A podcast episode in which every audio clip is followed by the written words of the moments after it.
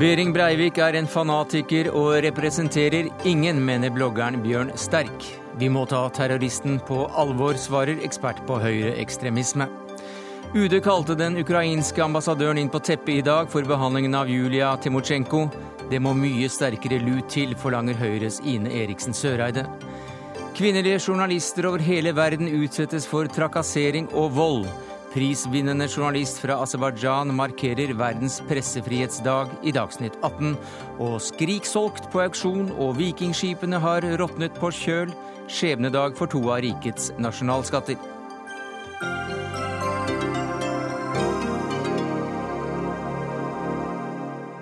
Ja, Det er noen av sakene i Dagsnytt 18 denne torsdagen, der vi også tar tempen på valget i Frankrike, dagen etter duellen som kan ha vært avgjørende.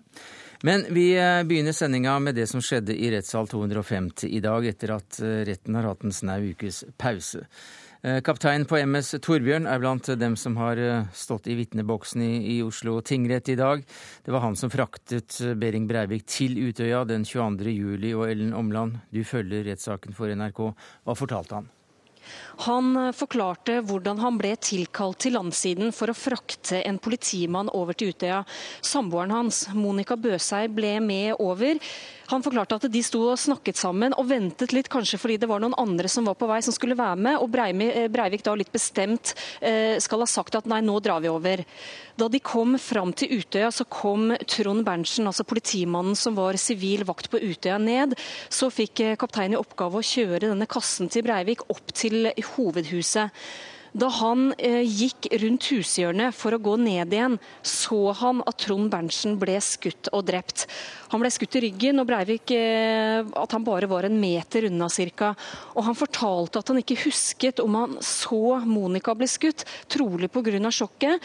Eh, men han husker at han løp bortover, altså oppover veien. Han tenkte på den eldste datteren sin som var på øya, og så tenkte han dette er en gisselsituasjon, for han hadde snakket med Monica om dette, om at Utøya var en, var en perfekt sted for å gjennomføre en gisselaksjon. Så løp han ned til båten båten og kjørte den bort sammen med bl.a. Eskil Pedersen, etter at de hadde passet på om det var noen andre i, i nærheten som kunne være med. Og han fortalte at fortvilelsen den var enorm. Og han deltok i redningen av andre? Han gjorde det. Eh, etter at uh, han kjørte altså da MS Torbjørn tilbake til Utøya med uh, redningspersonell. Dette var etter at Breivik var pågrepet, men det var før det var avklart om det var flere gjerningsmenn. Uh, så øya var altså ikke sikret. Han sa at han gikk mot hovedhuset for å se til Monica, og så at hun lå der på bakken. Så var han med å frakte ungdommer bort fra øya. Det var rundt 50 stykker om gangen de første gangene på MS Torbjørn og at de utover kvelden gjorde søk langs vann etter drepte rundt øya, og at han ga seg tre-fire-tida på natta. Sa han noe om hvordan tiden etter 22.07 har vært? Han forklarte at det har vært tøft. Det har vært tøft for hele familien. Han mistet samboeren sin. De to eh, barna mistet mammaen sin. Han fortalte at de prøvde å være i en slags hverdagssituasjon. Eh, at han hadde satt seg mål. Først begravelsen til Monica, og så denne dagen hvor han skulle vitne. Og han fortalte om eldstejenta som var på Utøya, som hadde det vanskelig, som hadde et høyt stressnivå fortsatt. Og så fortalte han om minstejenta på elleve år som hadde det tøft, som gråter seg i søvn, og som savner mammaen sin. I dag har det også blitt vist eh, bilder. Eh, hva er det dere har fått se? Det var eh, kriminaltekniker Gøran Dyvesven som, som, forklarte seg om funn på Utøya. De gikk gjennom hvor de drepte ble funnet. Det var vist bilder fra øya, fra Kjærlighetsstien, hvor ti personer ble drept, fra skrenten nedenfor eh, og eh, fra bygninger på øya. Det ble vist patronhylser og hvor skuddene traff. Men det som kanskje gjorde sterkest inntrykk, det var bildene fra kafébygget fra Lillesalen, og spesielt fra Storsalen. Eh, de drepte var jo fraktet bort fra øya, men det var altså store mengder blodspor igjen. Og det viste hvor skuddene hadde gått eh, inn i, i veggene. Det var jo veldig sterke bilder uh, når man vet hva som har foregått, og ikke minst når man tenker på den første rettsdagen, altså 16.4, hvor retten fikk høre en telefonsamtale ringt inn til, til politiet, hvor vi kunne høre skuddene fra Breivik da han gikk rundt og drepte akkurat der. Takk skal du ha, Helen, Ellen Omland, som følger rettssaken for oss i NRK. Magnus Takvam, eh, politisk kommentator i NRK. Hvordan vurderer du det som er kommet fram i dag? Vel, Det som sitter sterkest i minnet, er jo det dere snakket om nå, kapteinens forklaring.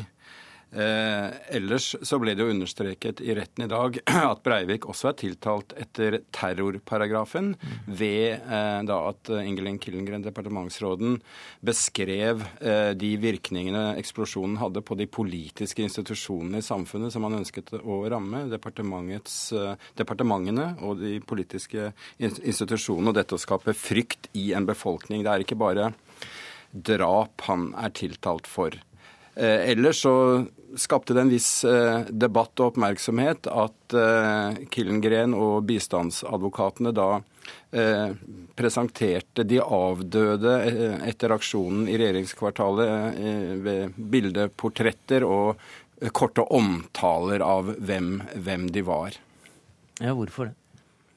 Nei, fordi det vel er enkelte som kan mene at den måten å gjøre det på er virke, virker unødig sterkt følelsesmessig å få den presentert på den måten. Eh, men det som er tilfellet her, er da at det er særlig bistandsadvokatene, de etterlatte eh, da gjennom dem, som har bedt om å få gjort det på denne måten. Slik at vi vil nok da oppleve de som følger det i rettssalen i morgen og i neste uke, at også ved obduksjonsrapporten over de 69 eh, avdøde på Utøya, så vil det bli gjort på en tilsvarende måte med, med bilder og en kort presentasjon av, av, hvem de var. Og det er slik, sier uh, juristene, at straffeprosessloven gir adgang for de etterlatte å, mm. å gjøre dette, men det vanlige er å gjøre det ved slutten av en rettssak. I hvilken grad preger spørsmålet om tilregnelighet det som skjer i retten nå? Det ligger hele tiden under. Vi la merke til det i dag da eh, forsvarerne, eh, da de spurte ut eh, de første vitnene som jo møtte eh, Breivik på brygga og, og, som fraktet ham over, hvordan han virket liksom i, i modus, om han var stressa eller urolig. Og de svarte jo at han var rolig i forhold til å ha vært vitne til eh, å oppleve en bombeeksplosjon i Oslo, så de la ikke merke til noe påfallende, sa de. Og det er jo selvfølgelig da relevant i forhold til hans eh, mentale tilstand i, i, gjerningsøyeblikket. Og det passer de på å få fram i ulike sammenhenger. Også når det gjaldt planlegging, den nitidige planleggingen som ble eh, presentert når det gjaldt våpen, ammunisjon og alt dette. Tredje uke er snart eh, slutt. Hva skjer videre i rettssal 250 nå de kommende dagene? Nei, I morgen starter da vanskelige, de vanskelige dagene med å ha obduksjonsrapporter over de 69 døde på Utøya. Da blir det mindre intens dekning, selvfølgelig. Det er ikke lov å kringkaste det. Og så følger da eh, de fornærmede, de som overlevde på Utøya i eh, ukene etterpå. Så vi går inn i en periode der fokus er på de avdøde og de som overlevde på Utøya. I tillegg til enkeltstående nyheter som f.eks. Rettsmedisinsk kommisjon som skal svare på det de, de mm. andre eh, psykiaterne nå har levert inn som svar osv. Men en mindre intens dekning, vil jeg tro. Takk skal du ha, Magnus Takvam, politisk kommentator her i NRK.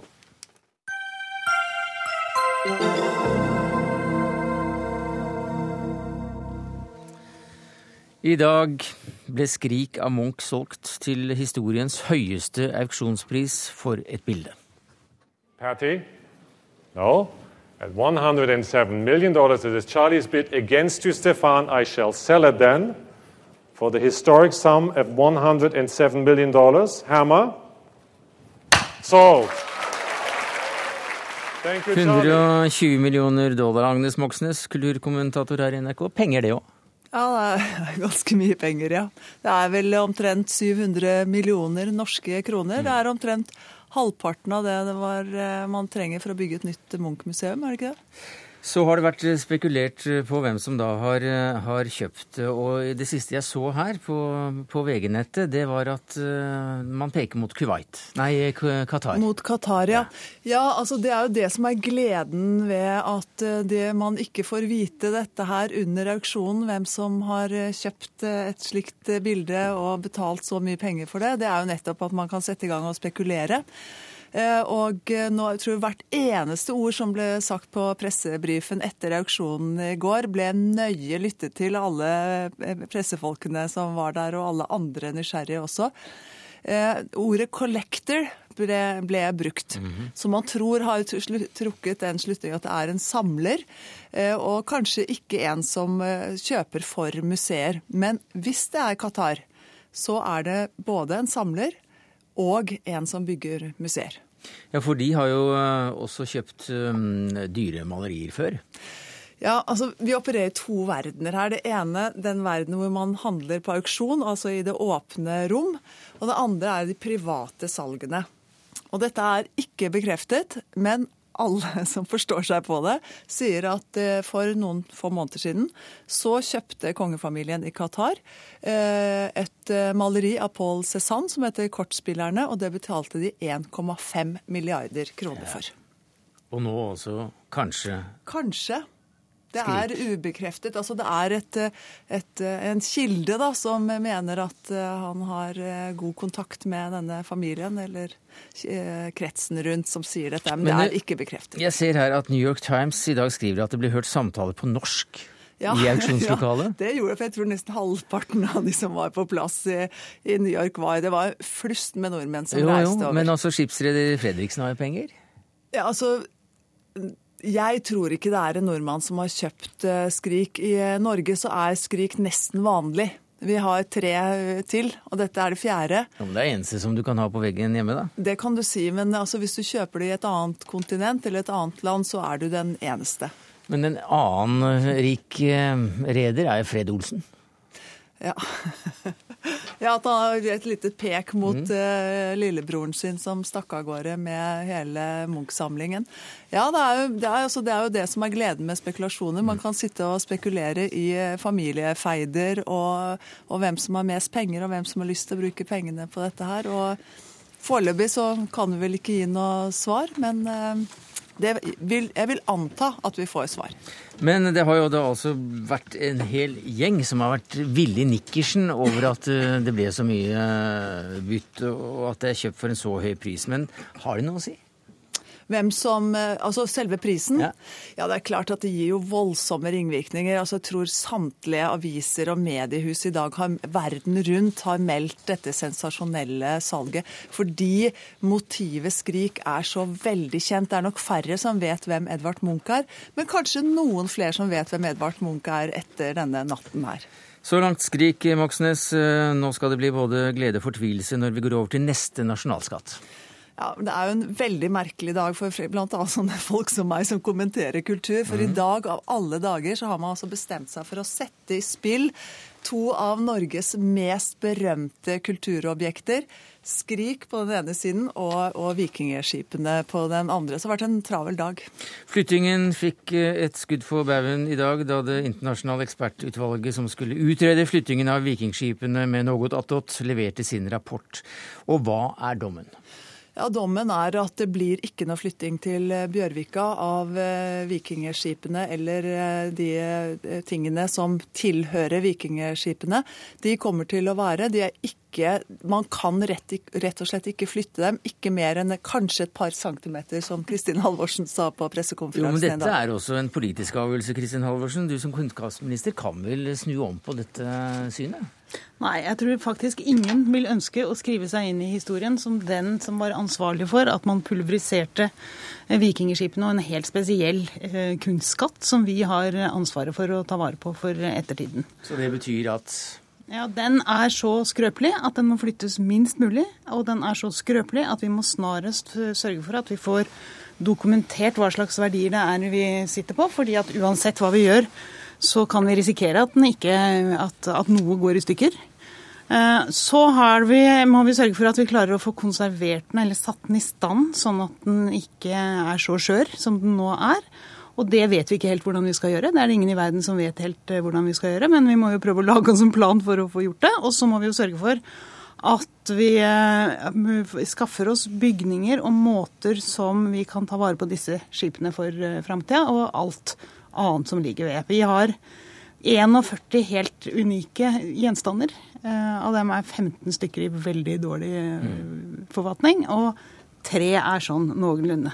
Så her er det nok å holde på med. Ekspertutvalget anbefaler at det bygges et nytt bygg i nærheten av det eksisterende bygget som må renoveres. Men det lyder seg fort, museumsdirektør Rane Willerslev, for bygningene er for dårlige, og skipene er altså i ferd med å smuldre helt bort. Ja, det er jo dypt tragisk at, at det står sånn til, men det gjør det. Øh, og det er på høy tid at vi griper inn og, og får dem reddet. Og, og griper inn, det er vel museets ansvar? Øh, ja, det er det. Øh, og øh, man har først for nylig visst hvor ringe det egentlig stod til. Altså Man har i noen år visst at det stod forholdsvis dårlig til, men, det, men øh, resultatene er kommet inn hen ad veien. Og det er først øh, her i efteråret hvor jeg tiltræder at man får det overblikk og sier at nå er den altså så gal at vi blir nødt til å slå alarm. Og det gjorde vi også. Men hva vil dere da ta fatt i med en gang nå som dere har fått denne rapporten? Det vi først og fremst skal i gang i, det er å få dokumentert alle gjenstandene minutiøst, øh, således at de kan rekonstrueres og øh, repareres hvis det er noe der går i stykker. Rekonstrueres slik at øh, det som pulveriseres og blir borte, det kan i hvert fall være en replika av? Ja. Så ille er det? Ja, så ille er det. Hvor lenge varer de da, tror du? Jeg håper meget, at de øh, var ved, og jeg har også en forhåpning om, at, øh, at det kommer de til. Det, der vil kreves, hvis man ønsker å bevare de genstande, det er, at man avsetter midler til å forske i, hvordan de skal rekonserveres. Du har ikke noen eksempler i verden, du kan læne deg opp av, mm. øh, og derfor er det faktisk en slags pionerarbeid, der skal til. Knut Påske, du er leder for arkeologiavdelingen ved Norsk institutt for kulturminneforskning. Du har doktorgraden på vikingskip. Hvorfor er de blitt så veldig skjøre? Ja, det er nok litt viktig å se litt tilbake i historien her. For at eh, Oseberg har på mange måter alltid vært en suksesshistorie. Altså det Museet fylles jo holdt på å si hver eneste dag eller hver eneste sommer av flere hundre tusen besøkende. Nesten uansett hva vi gjør. Og jeg vil jo si at kanskje både staten og også her Universitetet i Oslo kanskje har gitt denne samlingen en litt stemoderlig behandling opp gjennom årene. Altså Vi må huske at allerede når skipet ble gravd ut i sin tid, så ble det jo kjøpt opp av en privatperson og så donert til staten gjennom Universitetet i Oslo.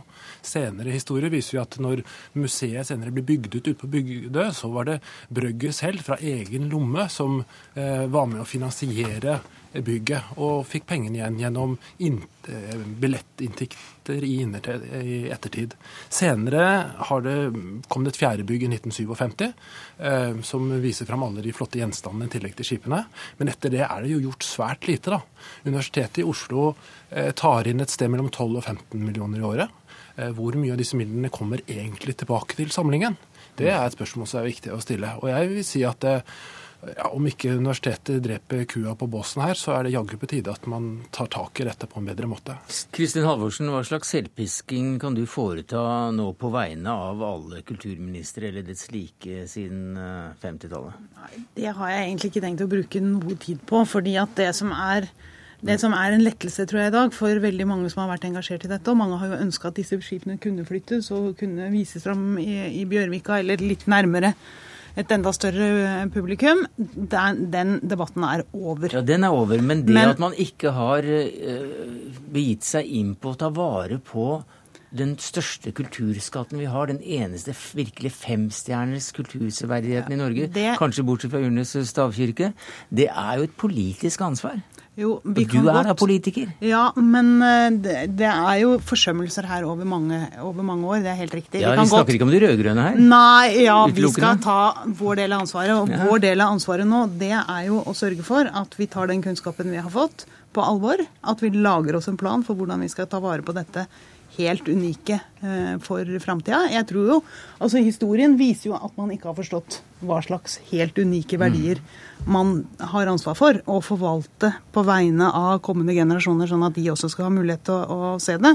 Og det er det vi må forstå nå. Og det betyr at vi må gå veldig forsiktig fram, men vi må gå framover. Mm. Fordi at å la det bare stå sånn som det er nå, og det er helt riktig, dette er jo ikke et museum som det er investert mye i det, i de seinere tid, det, det, kan vi ikke tillate. Men uh, vi, skal gi, vi, skal gi, oss veldig raskt med å fordele ansvar og skyld her nå. Men, men, ganske kort, du har jo da selv jobbet på, på vært, vært innom museet og jobbet uh, der påske.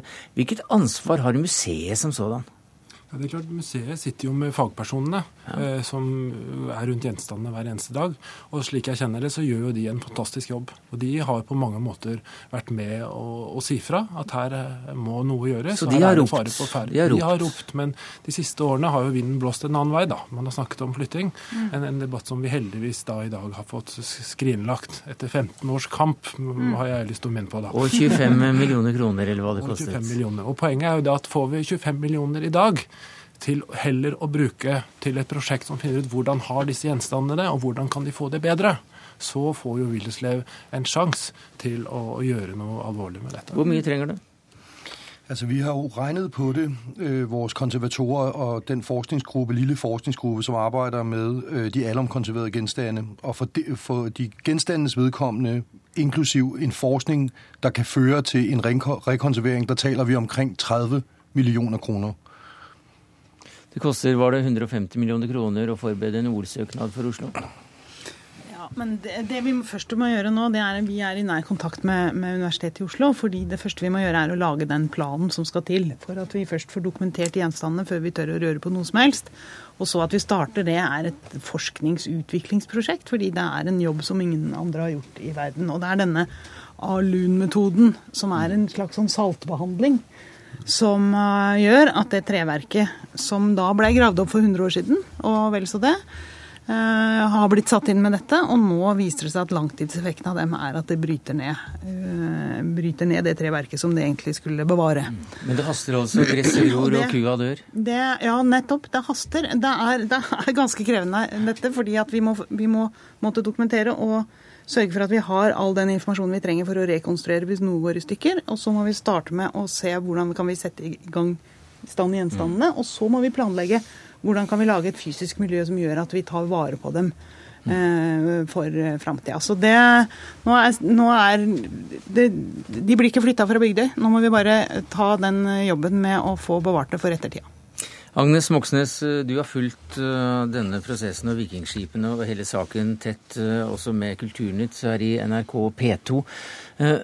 Hvordan ser du på behandlingen av vikingskipene i forbindelse med at vi tross alt er en kulturnasjon? Det er jo ikke når man hører Knut Påske si det han sier her, og få inn den informasjonen som kommer nå, bl.a. gjennom denne rapporten, som jo er, er jo en kraftalarm som går med den rapporten, så er det stusslige saker rett og slett nettopp fordi at vi ser på disse vikingskipene og de gjenstandene der ute som helt unike, og er med liksom på å bygge opp under hele vår identitet.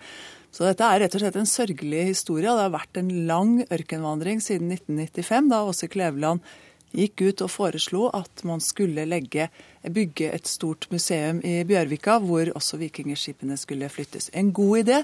Man skulle kanskje stilt seg spørsmålet allerede da er det mulig å flytte skipene og gjenstandene. Svaret kom i dag, og svaret var nei. Takk skal du ha, Agnes Moxnes, kulturkommentator her i NRK. Takk til Kristin Halvorsen, kunnskapsminister, Rane Willerslev, direktør ved Kulturhistorisk museum, og til deg, Knut Påske, Norsk institutt for kulturminneforskning. Hør Dagsnytt 18 når du vil, på nettradio eller som podkast. nrk.no – dagsnytt 18.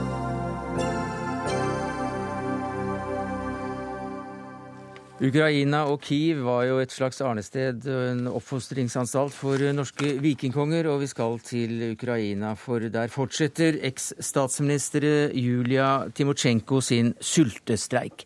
Medier verden over viser bilder av henne med merker etter det som skal være mishandling i fengselet, der hun har sittet siden i fjor høst. Og i den muntlige spørretimen på Stortinget i går så kritiserte du som leder av Stortingets utenrikskomité UD for å være for forsiktige i sine ytringer mot Ukraina. Hvorfor var det nødvendig, Ine Eriksen Søreide? Det er nødvendig fordi, som du helt riktig sier, så eh, foregår det nå en behandling av Julia Timosjenko i fengsel. Eller nå er hun da eh, tvangsflytta til sykehus. som både hun og andre opposisjonelle lever under. De har fått lange fengselsstraffer i politisk motiverte rettssaker, som jo egentlig ikke tilfredsstiller noen av kravene til en normal rettsprosess, men som er politisk motiverte. Og det er viktig at Norge har en klar og tydelig stemme her, i likhet med det mange av våre naboland har. Har vi ikke det, da? Jeg mener at eh, det i denne saken, i likhet med en del andre situasjoner, f.eks. i Hviterussland og den uh, gryende uroen vi har også for Russland, ikke er en tydelig og klar norsk stemme. Uh, F.eks. så sent som 4. mars i år så skrev fem utenriksministre, Sverige, Tyskland, Storbritannia, Polen og Tsjekkia, et leserinnlegg i New York Times hvor de er veldig klare på at Ukraina nå er i ferd med å gå feil vei. Så det er en tid for stille diplomati, og jeg tviler ikke på at det foregår mye i de stille diplomatiske korridorer som, som UD står bak. Men det er også en tid for å si klart ifra og bli lagt merke til og si at dette er uakseptabelt. Ja, Du nevnte vel ordet pisk?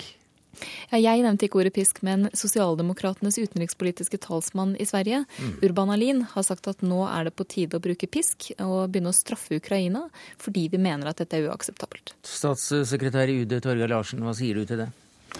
For det første så, så sier jeg at uh, jeg er helt enig, og vi er helt enig, at uh, utviklingen som vi ser i Ukraina, er helt uakseptabel.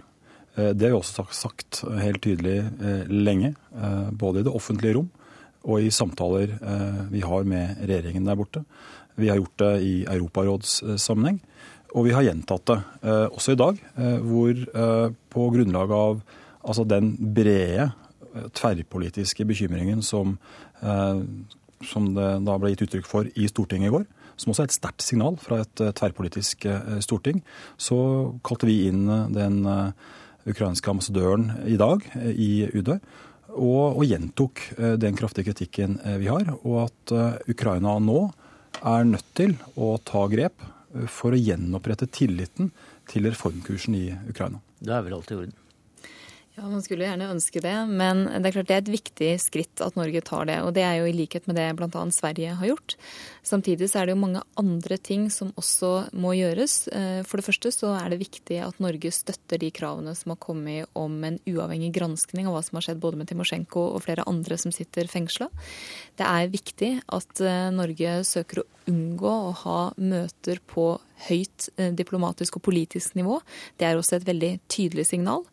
Og det er også viktig at vi ser på hvordan vi f.eks. innretter frihandelsavtaler og frihandelsavtaleforhandlinger med Ukraina og andre land der menneskerettighetssituasjonen er problematisk. Altså for det første så eh, har vi lenge, og gjentar det gjerne, lagt vekt på at du må få inn uavhengig, ikke minst helsepersonell, for å se på de fangene Eh, den tidligere statsministeren er en av de. Det er også andre tidligere statsråder som sitter eh, fengslet. Eh, det arbeider vi sammen med andre land, og jeg tror det er en bred unison Jeg tror ikke det er en bred unison europeisk front, vil jeg si, mot det vi nå ser i men, Ukraina. Men nå hørte du tre konkrete uh, virkemidler, utenrikspolitiske virkemidler, som ble foreslått. Ja, det første har vi mm. gjort. Og det andre er altså å se på avtaler avtaler. Eh, når det gjelder eh, altså avtaleverk i forhold til det vi har, eh, så har vi det vi har. Når det gjelder sanksjonsinstrumentet, så har vi hatt som tradisjon, og det vil vi nok fortsette med, å følge en internasjonal altså vei der vi f.eks. For i forhold til Hviterussland, så har vi slutta oss til EUs e sanksjoner. Eh, det er én måte å, mm. å, gjøre det på. Så vil jeg si at eh, når det gjelder diplomatisk kontakt, eh, så har vi aktiv diplomatisk kontakt. Men i forbindelse med f.eks. For fotball-EM, som vil sette søkelyset på Ukraina fullt ut, nå er ikke da Dillos kvalifisert, men det vil selvfølgelig ikke være naturlig at norske regjeringsrepresentanter drar dit for å se på fotball. Eh, jeg er helt enig med, med Torgeir Larsen i det som sies om at eh, det er viktig å følge EUs linje når det gjelder sanksjoner. Det er eh, en linje Norge ofte følger i mange saker, og så også her. Men når man f.eks. snakker om frihandelsavtaler, så behandla jo Stortinget en frihandelsavtale mellom EFTA-landene og Ukraina for bare få måneder siden. Da la en samla opposisjon inn en merknad, som det så fint heter i innstillinga, hvor vi uttrykte stor bekymring for menneskerettighetssituasjonen i landet, for fengslingen og dommen mot Timosjenko og flere andre opposisjonelle. Det var en merknad som regjeringspartiene ikke ønska å være med på. Og da blir det for meg litt doble signaler. fordi at det er en stor bekymring blant opposisjonspartiene om at vi på en del områder, særlig knytta til menneskerettigheter i våre nærområder, som Hviterussland og Ukraina, ikke sier klart og tydelig nok ifra. Eh, vi har land rundt oss som eh, har gjort det til en vane å være veldig tydelige og veldig klare. Og bare den artikkelen som jeg nevnte, som bl.a. Sveriges utenriksminister, den britiske, den tyske, den polske og den tsjekkiske står bak, er jo et veldig kraftfullt signal, der jeg mener at Norge også kan bidra på en bedre måte. Nå har også vår utenriksminister skrevet en lang rekke artikler. Men hvorfor skriver han ikke under på dette her? Det var en, eh, en, artikkel som da kom, kom opp sammen med, med, dette fellesskapet. Blant annet så er det partipolitiske bånd eh, mellom de Så det var ikke de, naturlig for dere å, hvis, hvis, utenriksministeren vår hadde blitt spurt om å, å undertegne på den, så hadde jeg ikke hatt noe som helst problemer med at eh, Johan Gahr Støre hadde gjort det. Eh, men flott at de utenriksministrene har skrevet den artikkelen. Og vi støtter fullt opp under på en måte budskapet i den artikkelen. Eh, så er vi som Norge med senest i Europarådet eh, nå i forhold til EUs uttalelser der, som Norge legger seg bak og støtter når det gjelder krav, formelle krav, kraftige, tydelige krav til uh, Ukraina. For, som jeg sa, å gjenopprette tilliten til reformretningen som trengs å gjøre. Som jeg sa innledningsvis, er det sånn at Noen ganger så handler det om stille diplomati, andre ganger så handler det om å si ifra. Noen ganger handler det om å legge seg bak og følge, andre ganger så handler det om å være en røst som går i front. Og Vi har et parlamentsvalg som kommer i Ukraina nå i oktober. og Det blir jo på mange måter en lakmustest på hvilken retning landet er på vei i. Eh, og det man har sett, er jo at man bruker altså domstolene som et politisk verktøy for å bl.a. hindre at ens verste konkurrenter eh, får muligheten til å stille i valget.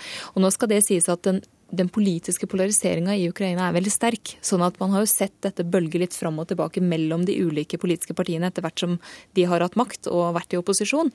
Men likevel så er jo det som nå skjer, er jo mye mer alvorlig enn det som tidligere har skjedd, og det viser et land som er på vei i feil retning. Så Reide, vi får beskjed om at eh, du må videre, og dermed så må vi stenge av denne saken eh, om Ukraina, om Norges reaksjoner i forhold til eventuelle overgrep mot Tivosjenko. Men vi slår slår også fast at det blir ikke noen uh, opplevelse når det gjelder Spania og Tyskland i, i fotball-EM. Det er ganske klart, Larsen. Om det blir Spania og Tyskland, det får vi nå For uh, norske regjeringsmedlemmer eller politikere? Jeg har ingen planer om å, om å dra til eh, Kiev og se på Spania, Tyskland eller hva det måtte være. Det er helt sikkert. Takk skal du ha, Torgeir Larsen, statssekretær i Utenriksdepartementet. Ine Eriksen Søreide, leder i utenriks- og forsvarskomiteen på Stortinget.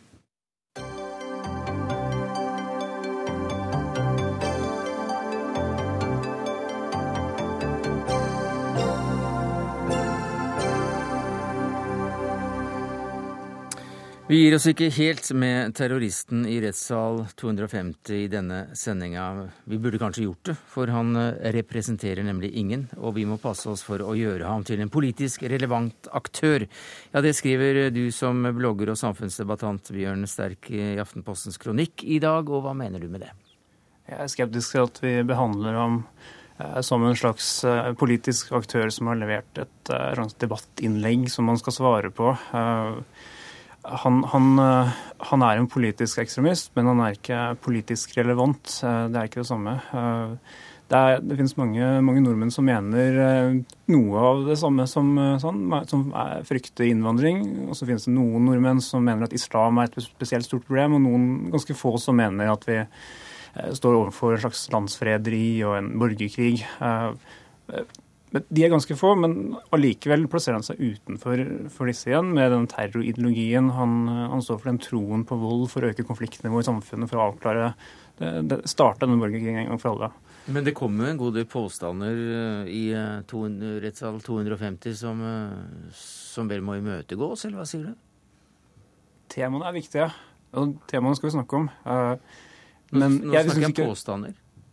Jeg synes vi vi skal svare på de måte, politiske meningene han kommer med. Han har ikke gjort seg fortjent uh, til å bli svart på den måten. Uh, han har på en måte sagt, uh, sagt sitt. den politiske debatten, den, den det er noe annet. Vi må mm. snakke om de, de relevante temaene som, som nordmenn tror på.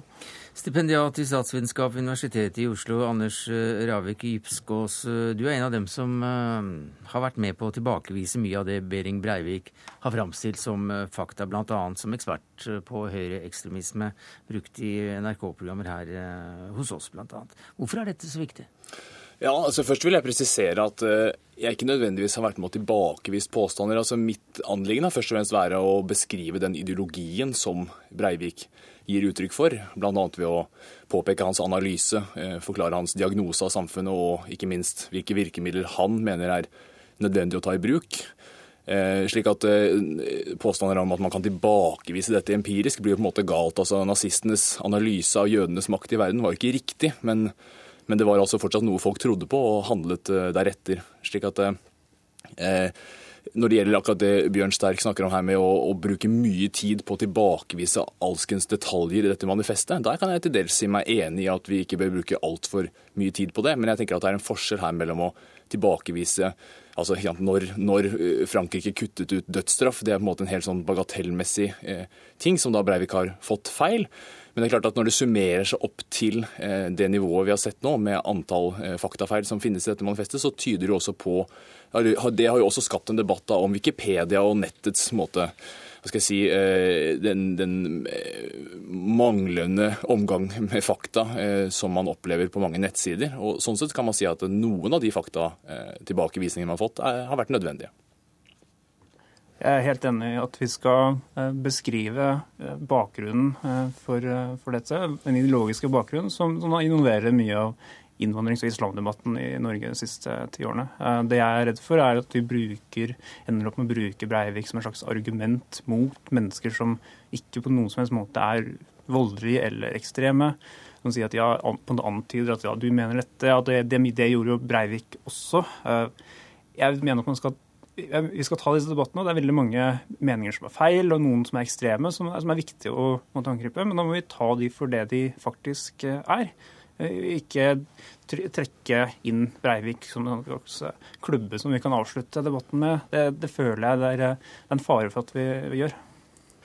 Ja, nei, igjen, igjen altså er, Vi er kanskje mer enige enn man skulle tro. da. Jeg har selv brukt analogien som jeg så sterk bruker i dagens Aftenposten også, til uh, Tyskland, og hvor da sant, venstreekstremistiske grupper uh, i og for seg hadde noe av det samme verdensbildet som man kunne finne i mer demokratiske uh, partier også. Og at det var selvfølgelig viktig å skille mellom de som ønsket å bruke vold, og de som ikke ønsket å bruke vold. Det som er litt problematisk, da, er at når, når Sterk i dag sier at det er få grupper som ønsker å bruke vold eller gir uttrykk for det. Så er det jo litt sånn at det gjorde jo heller ikke Breivik på dokument.no før han da gjorde det. Eh, til slutt brukte vold. Slik at spørsmålet her blir jo er det noe vi kan se i Altså er det noen nyanser som også Sterk kan bidra til eh, belyse, i og med at han følger enda mer med på disse debattsidene enn det jeg gjør? Er det noen nyanser her hvor noen går over streken og på en måte i større grad bruker konspirasjonsbilder, bruker en voldsforherligende retorikk, eh, som vi også har sett i f.eks. disse ulike defense-ligene som, eh, som, oppstår rundt omkring i Europa for tiden, hvor det er en type voldsforherligende retorikk som benyttes når man går rundt i tog, og hvor det da fort eskalerer og det resulterer da i vold. Hvis det finnes et miljø i Norge som, eh, som legger til rette for, for nye terrorangrep uh, av denne typen, så er det så veldig viktig å, å, få øye på det og få avdekket og bekjempet uh, det. Uh, men vi må samtidig ikke tenke at for alle disse menneskene som mener noe, noe ekstremt, er måtte, voldelige i skjul. Og vi må ikke ta det at, vi, det at de, de det at Breivik har tonet ned sine ting, eh, sine ekstreme ideer, som et bevis på at alle andre som eh, også snakker, eh, toner ned sine ting, at, de gjør det samme, at de også er ekstremister i skjul. Vi må forsøke å forstå hva de faktisk står for. og Slik jeg forstår mange av de ganske ekstreme islamhaterne i Norge, så er, så er selv ikke de på, på, på det stadiet at de ønsker å plukke opp uh, våpen og sprenge bomber her og nå. De snakker, de, det ligger en, en implisitt vold i mye av det de, de sier. Den ligger uh, jeg tror den ligger mer abstrakt. Det er mer en sånn, de, de, ser for seg en borgerkrig, og da må man kjempe på den riktige siden. Uh, men det betyr ikke at de her og nå er villige til å begynne å plukke opp våpen. Og, og, hvis de gjør det, så, så, må vi avdekke det. Men vi må forsøke å forstå de og angripe for det de faktisk står for. Igjen så er vi ganske enige, men jeg, så stusser jeg litt over Det er på en måte, jeg skal si, det er vinklingen som Nå vet jeg ikke om det er du eller Aftenposten som har valgt tittelen på, på, innlegget ditt i dag, da, men altså det er da Breivik representerer ingen. Og det er klart at Da det på en måte blir problematisk. problematisk, at han representerer ingen rent formelt, sannsynligvis, for han har ingen organisasjon i ryggen. Men det, gjør, det gir på en måte et inntrykk av at du ønsker å frakoble han fra den Eh, skal jeg si, eh, islamofobe da understrømmen som finnes i eh, vesteuropeisk politikk. og Hvor det ikke da bare er islamhatet, men det er jo da veldig mye av de andre ideene til Breivik som også gjør seg gjeldende dette, disse miljøene. og Det har vi da i og for seg sett demonstrert av Breivik selv, i og med at da store deler av hans manifest er kopiert fra andre tenkere, som også lar seg inspirere. og Det er jo bare å ta et lite blikk på disse nettstedene. Selv er jeg da blitt også eh, omtalt eh, som en person som da deltar i disse konspirasjonene, og, jeg registrerer da på en måte hvordan man bygger opp et sånt konspiratorisk fiendebilde uten hvor man da antar eh, masse forskeres intensjoner og, og, på en måte ikke lytter til det vi sier, men heller, heller forsøker å, å tillegge oss meninger og holdninger vi ikke nødvendigvis har. Jeg ønsker ikke å forsvare noen av islamhaterne uh, mot uh, kritikk av det de faktisk uh, står for, men det er, allikevel en ganske stor forskjell mellom, mellom, dem og den terrorideologien den, som Breivik har, har, har tatt, tatt, til seg. Den tror jeg han er ganske alene om. Det, det er iallfall i, I Norge så ser, du noe, ser du ikke noe særlig av det. Du ser ikke den type Det å ta det fulle skrittet helt ut i det, det å bruke vold på den måten. Og det, for meg så er det viktig å, å, å skille mellom de, to tingene. Og når jeg sier at han ikke representerer noen, eh, så mener jeg i den betydningen han er ikke politisk relevant. Han, ikke, han snakker ikke på vegne av store grupper av samfunnet. I, i beste fall, altså, hvis du tar disse knøttsmå gruppene som NDL og Sian, de, de har jo noen hundre medlemmer. Eh, de er helt så marginale som de kan bli. Ja, men altså, Vil du si at det samme gjelder for europeisk nivå? For det blir jo noe med at disse gruppene, jf. nettets fremvekst og, og, sosiale medier, så er det jo åpenbart at det foregår en større kommunikasjon på tvers av land. slik at uh, Spørsmålet er om du skal betrakte Breivik som et eksempel i, som et liksom, uttrykk for en norsk uh, offentlighet og et norsk samfunn, eller om han er en del av en større europeisk trend? Jeg, vil ikke snakke om, eh, om Europa. Jeg, jeg, tror vi må se på Norge og ulike land hver for og begrunne hva er det som gjør han relevant i den konteksten. Kanskje er han relevant i en enkelte land, men da må du begrunne det. Jeg tror ikke han er relevant, relevant i norsk politikk. Da lar vi norsk politikk være norsk politikk, og så får vi ta Europa en annen gang. Anders Ravik Ypskås, stipendiat i statsvitenskap ved Universitetet i Oslo, takk skal du ha. Takk til Bjørn Sterk, blogger og samfunnsdebattant.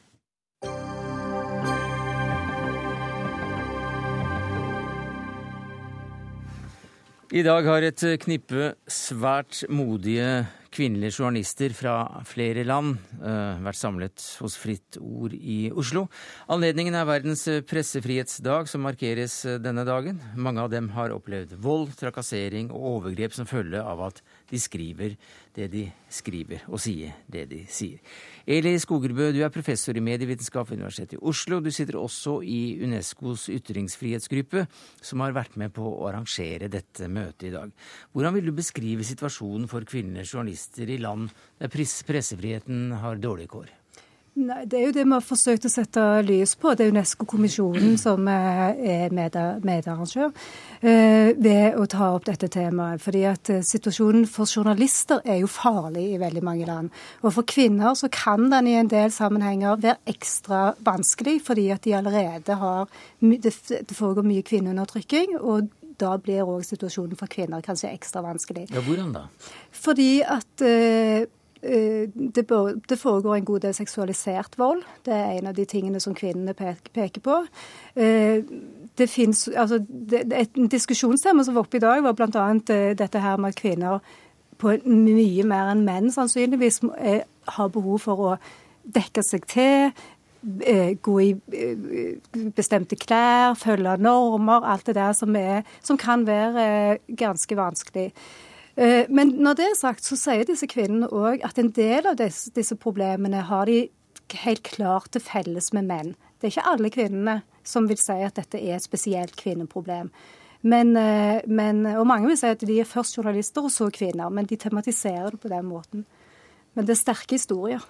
Veldig sterke historier. En av dem er det uh, Haja uh, Ismailova som uh, har fortalt, og fortalt dere i dag. Hun er undersøkende journalist i bl.a. Radio Free Europe, Radio Liberty Baku, Washington Post og Deutsche Welle.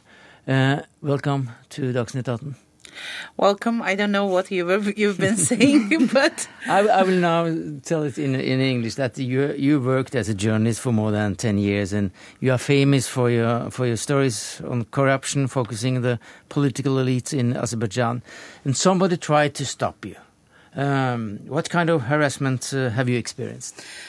Well, uh, it's First of all, I work in the radio channel that is banned on local frequencies. Mm-hmm. Radio Free Europe, Radio Liberty is an international media. It uh, it broadcasts its program in many countries, but it's banned on local frequencies in Azerbaijan. So this is part this is part of the treatment the government gives to independent journalism that is uh, that the government is unable to control.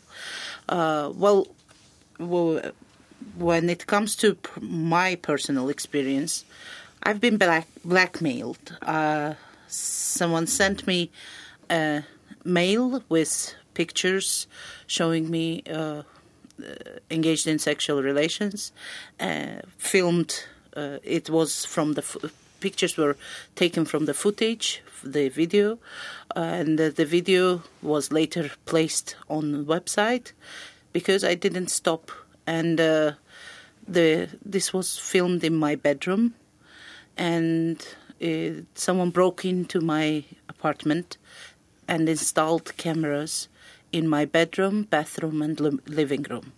So this is what happened to me, and uh, they've been uh, surveying me for months, and then uh, they uh, decided to blackmail me with this mail, uh, which came with the note which was saying I should behave or I will be defamed. Hun ble også da overvåket. Hun ble filmet mens hun hadde sex i sitt eh, eget hus. Et kamera var installert, ikke av henne, men av noen andre som da sendte et brev og ba henne holde opp eller holde kjeft. Hun ble også rett og slett utpresset, og så ble videoen lagt ut på nett. Do you know who responsible for this? I have guesses, and I have some confirmation of my guesses. I guess that the presidential administration and the government of Azerbaijan has something to do with that. Because uh, later we established that wires from my apartment were leading to the telephone box, mm-hmm. uh, telephone box of the state-run telephone company, and uh, only the special services, only the Minister of National Security has access in that uh, level. Mm. And the presidential administration and the newspapers of the uh, uh, I have I have uh, I, I think presidential administration uh, was behind this mm. smear campaign. Hun peker også på statsadministrasjonen. You are one of the very few investigative journalists working in, in Azerbaijan. How, how does uh, these uh, threats affect your work? Well, it apparently didn't. They miscalculated the re, uh, uh-huh. the uh, reaction because the reaction was that I will be ashamed and I will stop, which I didn't do. And today we published next investigation uh, done by me and my colleague. Uh, we uh, it's a joint project of uh, organized crime and corruption reporting project with Radio Free Europe, Radio Liberty, and it reveals president's daughter's uh, companies in goldfield contract. Uh, it reveals that president's daughters have 11% stake in the gold contract which they tried to hide behind shell companies in Panama. Hun lar seg altså ikke stoppe. Hun og flere har nettopp offentliggjort eh, nye rapporter som viser korrupsjon på høyt nivå i landet. Later this month uh, you will receive the Gerd Bukerius Free Press of Eastern Europe Award given by Fritt Ord Foundation. How do you describe the situation for female journalists in Azerbaijan today? Well, it's not about being male or female. It's uh -huh. about it's about telling the truth or not telling the truth. And uh, the one of the journalists who told the who used to tell the truth and who uh, questioned president's family fortunes, was killed in his doorsteps in 2005, Elmar Husseinov. And uh, he was the editor of Monitor magazine, and the government blocked the uh, investigation of his assassination. In 2006, another journalist who questioned where the First Lady gets money to build schools and build her propaganda on it, uh, they just kidnapped him, took him out of the city, and car drove, drove twice over his legs. So things happening to me is not the worst things happening to journalists in Azerbaijan. Tingene som har hendt henne, er ikke det verste som har hendt journalister, og hun syns ikke det er noe veldig stor forskjell på om du er mannlig eller kvinnelig. Det eneste som teller, er om du vil ha fram sannheten eller ikke. Do you fear for life yourself? I, do I fear? Yeah. Does it make sense? I don't control their desire to do something to me. I don't control their means to do something to me. So it doesn't make sense to, to fear. Hvordan bør disse utfordringene møtes, mener eh, du som, eh, som er med i arrangementsgruppa, Unescos ytringsfrihetsgruppe, Eli Skogerbø? Altså, det foregår jo veldig mye arbeid på dette frontet. Bl.a. har journalistorganisasjonene sjøl drevet i mange år. Men jeg er jo veldig glad for at FN nå har lagd en handlingsplan eh, for journalistsikkerhet og mot forfølgelse, som ble vedtatt eh, nå den 13. april. Og Det er jo en av de tingene som, som vi virkelig har jobba mye med her i Norge, og som Utenriksdepartementet i Norge støtter, og, og mange andre land, og som nå FN endelig har heva opp. Men det gjøres veldig mye arbeid allerede, og det må bare fortsette. Det hører man jo når man hører sånne historier. Takk skal du ha, Eli Skogerbø, professor i medievitenskap ved Universitetet i Oslo, altså med i Unescos ytringsfrihetsgruppe. Kadia Hadia Ismailova, gravende journalist i Baku, thank you very much and take care.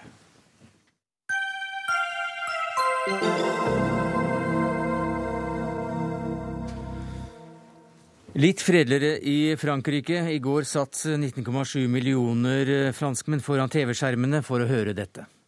Vous avez vraiment vous ce mot à la bouche de et à force, vous me permettez de, de l'exprimer, ça veut dire que vous, vous avez une propension qui.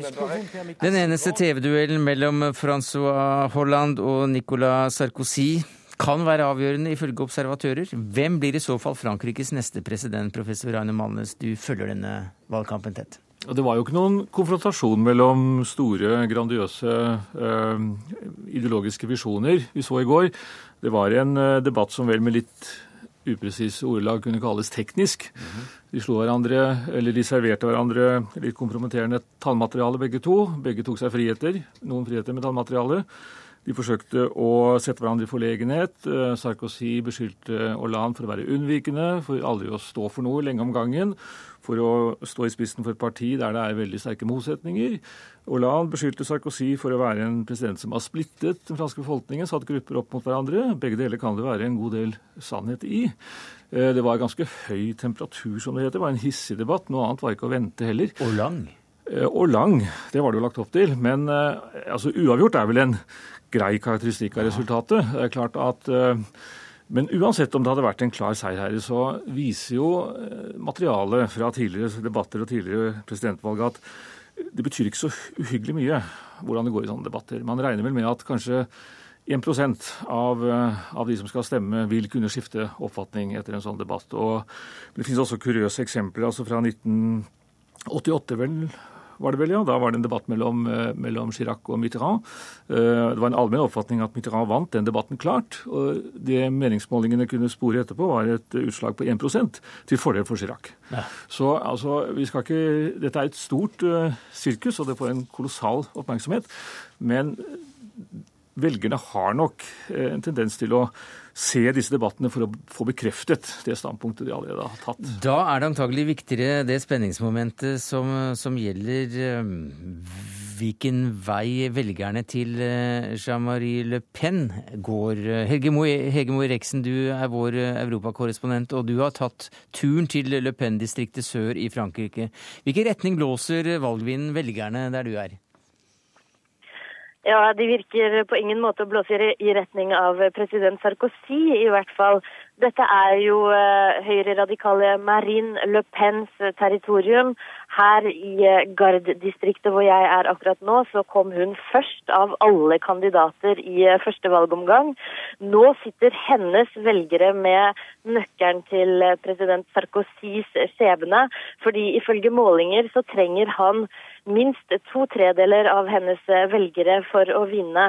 Og han har i denne valgkampen da uhemmet, eh, som det sies i franske medier, fridd til eh, ytre høyre. Men uh, i hvert fall her i distriktet så blir tilnærmelsen hans uh, møtt med en kald skulder og forakt fra Le Pens velgere. De som vi har snakket med i dag, sier at uh, Sarkozy har brukt fem år ikke på å bygge, men å ødelegge landet. Og f.eks. en av de som jeg har snakket med i dag, sier at å velge mellom Hollande og, og Sarkozy er som å, å velge hvilket bein han må kutte av. Han ønsker verken å kutte høyre eller venstre, og, og ville da stemme blankt. Ja, for det var akkurat det lederen eh, Le Pen eh, anbefalte, nemlig å stemme blankt. Men eh, så viser det seg også at kanskje ganske mange vil også stemme sosialistisk? Ja, det er jo sånn at Le Pens velgere ifølge målinger i hvert fall fordeler seg både til høyre og venstre. En god del av dem rundt 45 eh, 60% sier ifølge målinger at de vil eh, støtte Sarkozy. Eh, så er det en rundt 20% som sier de vil stemme blankt eller holde seg hjemme. Og så er det også en rundt 18% som sier at de vil stemme på Hollande. Eh, og de som vi snakker med i dag, så er det forsvinnende få som, eh, som ønsker å stemme på Sarkozy. Man, eh, mange sier med en slags liten skadefryd at de håper at han går ned. Og alle som vi snakker med her, forventer at president Sarkozy kommer til å tape valget på søndag. Hvordan forklarer du denne mangelen på ryddighet når det gjelder politisk farge og hva de stemmer her, Malnes? Altså, Marine Le Pen har åpenbar interesse av at Sarkozy taper. Hvorfor det? Eh, fordi det vil føre til en opprivende debatt i Sarkozys parti om hvem som nå skal ta over ledelsen. Han vil sannsynligvis trekke seg. Og i den situasjonen så eh, og vil sannsynligvis sentrumspolitikerne i partiet bryte ut, og det kan gjenoppstå et politisk sentrum av en viss eh, kvalitet i Frankrike. Og det vil igjen bety at i hvert fall for en periode så vil Nasjonal Front fremstå som liksom noe det mer solide på høyresiden i Frankrike. Og Det er en måte for eh, Marine Le Pen å bygge seg opp på som en seriøs politiker som det går an å stemme på uten å skamme seg. Altså en politiker som lykkes med det hun kaller en, de, eh, en avdiabolisering av Nasjonal Front. Sannsynligvis, jeg, hvis jeg skulle spå, eh, så kommer partiet til å skifte navn om ikke så altfor lenge. Mm -hmm. Og det er en viss sjanse for at høyresiden i, i, i Sarkozys parti, altså UMP, det som i dag kalles uh, la droite populaire, altså det folkelige Høyre, vil ta til orde for en dialog, i hvert fall forhandlinger med Marine Le Pen. Så det kan komme til en omkalfatring på høyresiden i Frankrike som følge av et tap for Sarkozys vedkommende. Hegemo Eriksen, er det, er det tendenser du har fanget opp? Ja, absolutt. Det er jo mange som eh, ser på Sarkozy som eh, en, en, stor motstander av Marine Le Pens velgere. De ser på han som en slags politisk opportunist eh, som de ikke ønsker rett og slett å stemme på. Mange her mener jo at Sarkozy har stjålet eh, ikke bare retorikken til Marine Le Pen, men også en, en god del av, av, hjertesakene hans. Og de ønsker rett og slett eh, ikke å støtte han eller gi, gi han uh, sin stemme. Og det er jo også, som, som det sies i studio, helt klart at Marine Le Pen håper jo at Eh, Sarkozys parti skal få et slags nådestøt ved valget, at det vil bryte ut kaos i partiet, og at hun på en måte kan gjenoppstå i asken og kaoset etter eh, et tap i presidentvalget for Sarkozy. At mm. hennes parti dermed kan vokse seg sterkt. Vi ser allerede nå mot eh, valget på nasjonalforsamling i juni, hvor de håper å kunne markere seg sterkt. Og så er det også en del velgere som jeg snakker med i dag, som sier at nå kan vi starte på veien fram mot 2017, hvor eh, Frankrike sannsynligvis da etter deres mening vil ligge brakk etter eh, år med, med Sarkozy-styret og kanskje Hollande-styret, og at de mener at, at mm. kanskje dette vil redde grunnen for at Marine Le Pen kan komme enda sterkere tilbake i presidentvalget i 2017. Ganske kort, vi har 20 sekunder igjen, Malnes. Hva tror du om den siste hypotesen der? Jo, nei, altså, det er det er klart at det som teller nå for Nasjonal Front, det er valget til nasjonalforsamlingen. Og De har ingen representanter der nå, de har hatt en representant for lenge siden. Og de håper og har et berettiget håp om å få inn noen representanter denne gangen. Takk skal du ha, Reino Malnes. Takk til Hegmo Eriksen. Det var det vi rakk i Dagsnytt 18 denne torsdagen. Takket være Karoline Rugeldal, Lisbeth Sellereite, jeg heter Sverre Tom Radøy.